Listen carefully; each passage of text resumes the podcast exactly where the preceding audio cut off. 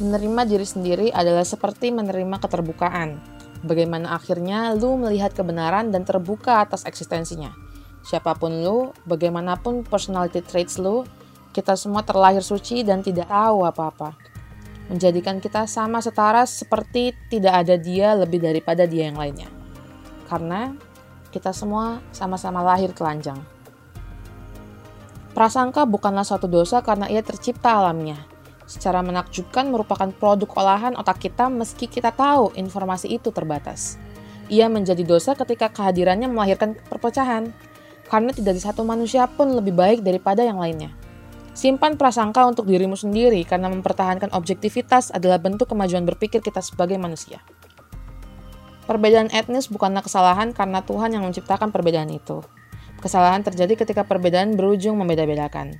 Diingatkan lagi, manusia lahir sama-sama telanjang, kesemuanya lahir dari rahim biologis ibunya. Ukuran yang ditetapkan rahim sosial seharusnya tidak menjadi jawaban penyelesaian masalah, yang justru malah melahirkan masalah baru lain. Perbedaan agama adalah hal paling lumrah dalam umat beragama. Tidak ada agama yang salah karena setiap-setiapnya membawa pada spiritualitas batin tiap penganutnya. Lalu, mengapa menodai agama dengan mengotak-ngotakan tiap eksistensinya? Tiap manusia lahir dalam keadaan suci dan kejahatan bukanlah bawaan.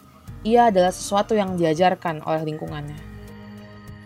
Tuhan menciptakan dua jenis kelamin dan ekspresi tiap-tiapnya berbeda tiap individunya. Keberagaman adalah hal yang lumrah.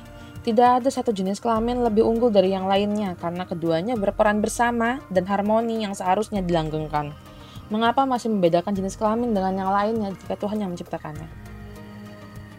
Status ekonomi yang rumit sudah menjadi masalah bagi kalangan ekonomi menengah ke bawah, mengapalah masih perlu didiskriminasi perbedaannya. Tidak ada orang yang lahir sembari menggenggam uang dan uang pun tidak dibawa meninggal. Tidak perlu membeda-bedakan jumlah uangnya kan? Berkelompok dengan hobi atau kesukaan adalah biasa, namun jangan gunakan untuk diskriminasi mereka yang berbeda. Kesukaan dan ketidaksukaan adalah hal lumrah, namun bukan pembenaran untuk melakukan kejahatan. Tuhan yang menciptakan perbedaan, namun mengapa kita tidak menerimanya? Keanekaragaman adalah anugerah karena tidak akan menarik jika tidak ada perbedaan. Keanekaragaman membuat kita belajar dan menumbuhkan penerimaan hakiki yang indah. Mengapa harus bertengkar dalam keanekaragaman jika ia bisa membawa persatuan? Dunia belajar lewat konflik di sekitarnya. Kehadirannya bukan untuk dilanggengkan namun dijadikan pembelajaran Metode problem solving lahir darinya dan mari kita akhiri konflik dengan akhir yang bahagia. Karena tadi, masalah lahir bukan untuk dilanggengkan. Kekerasan tidak pernah menjadi solusi masalah karena ia menimbulkan masalah yang baru. Lantas, masalah seharusnya membuat kita introspeksi dan belajar apakah kekerasan menyelesaikan? Mungkin, namun selalu ada masalah baru yang lahir darinya. Inginnya menyelesaikan masalah kok malah melahirkan yang lainnya? Kesalahan adalah normal karena semua orang melakukannya. Manusia secara alamiah berbuat salah dan hal itu sangat diwajarkan. Lalu, janganlah menyalahkan mereka yang berbuat salah karena mereka pun masih belajar. Jika tak kunjung selesai, maka bantulah, karena sejatinya manusia hadir untuk saling membantu sesamanya. Memberi maaf begitulah mulia karena dengannya mampu melepaskan satu beban di pundak.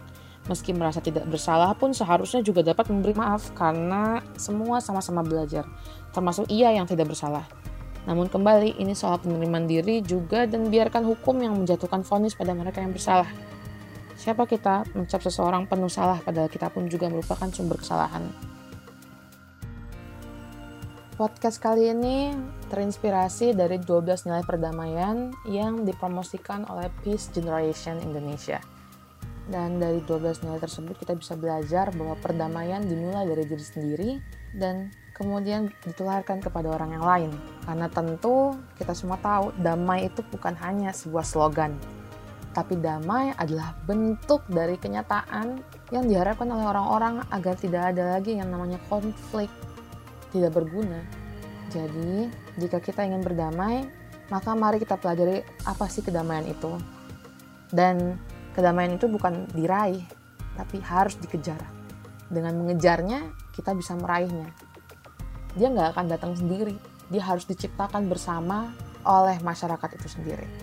Thanks for listening to my podcast and I hope you enjoy my voice. This is Azara Maudina and see you at my next podcast.